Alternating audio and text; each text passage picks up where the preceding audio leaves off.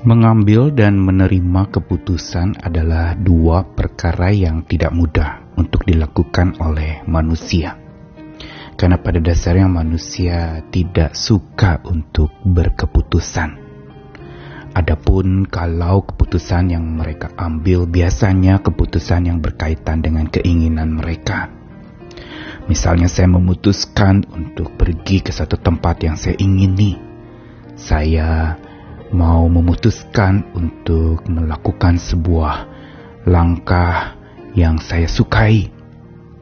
Begitu pula menerima keputusan bukan perkara mudah bagi manusia yang tidak mau belajar dan yang bahkan hidupnya sudah mabuk kepayang oleh berbagai macam keinginan hatinya semata. Menerima keputusan tentu saja juga menjadi sulit ketika keputusan yang diambilkan itu adalah keputusan yang tidak sesuai dengan keinginan atau kemauan seseorang.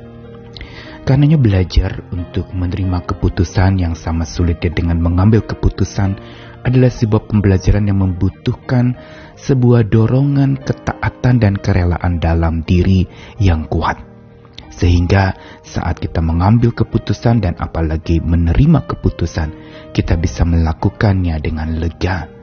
Kita melakukannya dengan taat dan kita melakukan serta menerimanya pula dengan ikhlas dan tulus.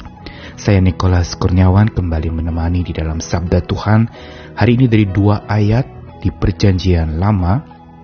Yang pertama Amsal 19 ayat 21 Banyaklah rancangan di hati manusia tetapi keputusan Tuhanlah yang terlaksana. Lalu satu lagi dari Yesaya 28 ayat 29 dan ini pun datangnya dari Tuhan semesta alam. Ia ajaib dalam keputusan dan agung di dalam kebijaksanaan. Yesaya 28 ayat 29 merupakan bagian teguran Yesaya kepada bangsa Israel di bagian utara yang hidup di dalam mabuk-mabukan oleh segala keinginan pribadi, dorongan hati, dan hasrat jiwa sendiri.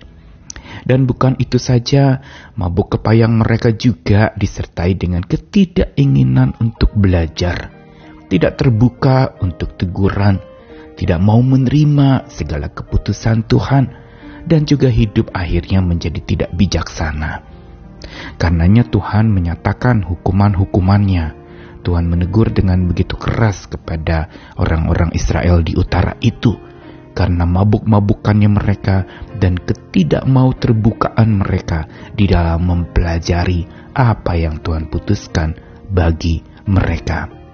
Sehingga di dalam bagian akhir Yesaya 28 ini ada berkaitan dengan hasil panen dan segala mata pencaharian mereka yang lalu kemudian Tuhan sebenarnya sudah ajarkan untuk bagaimana mereka bercocok tanam tapi mereka tidak mau belajar. Sehingga dikatakan bahwa segala cara untuk melakukan itu sebenarnya dari Tuhan. Dia ajaib dalam segala keputusan termasuk hal-hal yang kecil. Begitu pula dia agung di dalam hikmat dan kebijaksanaan untuk seseorang menjadi terampil melakukan tugas-tugas hariannya. Namun, mereka masih berkeras hati dan tidak mau belajar untuk menerima keputusan Tuhan dan belajar dari cara Tuhan mendidik dan menjadikan mereka bijaksana. Ini selaras pula dengan Amsal 19 ayat 21. Banyaklah rancangan di hati manusia, tapi keputusan Tuhanlah yang terlaksana. Lebih jauh lagi kitab hikmat mengatakan bahwa Manusia memang di dalam hatinya mudah merancang ini, mudah merancang itu, mau merancang ini, mau merancang itu dan banyak rancangannya. Tetapi mereka tidak mau tunduk kepada keputusan Tuhan. Mereka lupa. Mereka membuat sebuah segala rancangan, membuat sebuah rencana, tetapi tidak mau tunduk kepada keputusan Tuhan. Padahal manusia boleh merencanakan tetapi keputusan Tuhanlah yang akan terlaksana. Kedua ayat tadi menegaskan kepada kita berkaitan dengan keputusan Tuhan yang sebenarnya maha agung dan bijaksana. Keputusan Tuhan tidak dapat diganggu gugat apa pun itu. Keputusan Tuhan sekalipun itu mungkin memilukan hati kita, menyedihkan jiwa kita, melelahkan semangat kita tetap itu tidak dapat diganggu-gugat. Karena tentu saja ketika Tuhan memutuskan sesuatu yang tidak dapat diganggu-gugat itu adalah sebuah keputusan yang demi kebaikan orang yang akan menjalankan keputusan tersebut. Karenanya, segala keputusan Tuhan yang tidak dapat diganggu-gugat itu juga akan terlaksana pada waktu yang tepat sesuai dengan waktu Tuhan yang terbaik. Yang kita harusnya memang menyelaraskan waktu kita dengan waktu Tuhan, bukan meminta Tuhan mengikuti waktunya kita. Dan ini semua dikunci di dalam sebuah sikap hati yang taat. Menerima keputusan Tuhan dengan hati yang taat akan membuat kita juga bisa lega menerima segala kejadian dari keputusan Tuhan itu yang terjadi pada waktu yang tepat. Kita menerima bahwa segala apa yang menjadi tindakan Tuhan itu adalah yang terbaik agar supaya hidup kita menjadi makin kuat.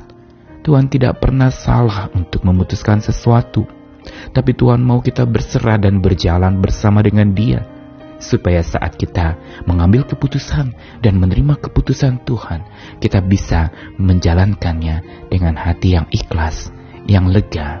Inilah bagian dari pembelajaran kita untuk menerima. Dan kali ini kita belajar untuk menerima keputusan Tuhan yang tidak dapat diganggu gugat. Mari kita belajar lagi, berikan hati yang taat kepada Tuhan agar bisa menerima segala keputusan Tuhan dengan penuh kelegaan. Tuhan mengasihi kita sekalian bagi mereka yang mungkin sampai hari ini masih sulit menerima keputusan Tuhan atas sesuatu yang mungkin menyedihkan, menyebabkan perkabungan dan duka cita. Mari belajar lagi, taat kepada pimpinan Tuhan, taat kepada keputusan Tuhan, dan terimalah itu dengan hati yang lega. Tuhan selalu bermaksud baik bagi setiap orang-orang yang mau hidup baik dan diperbaiki oleh Tuhan. Amin.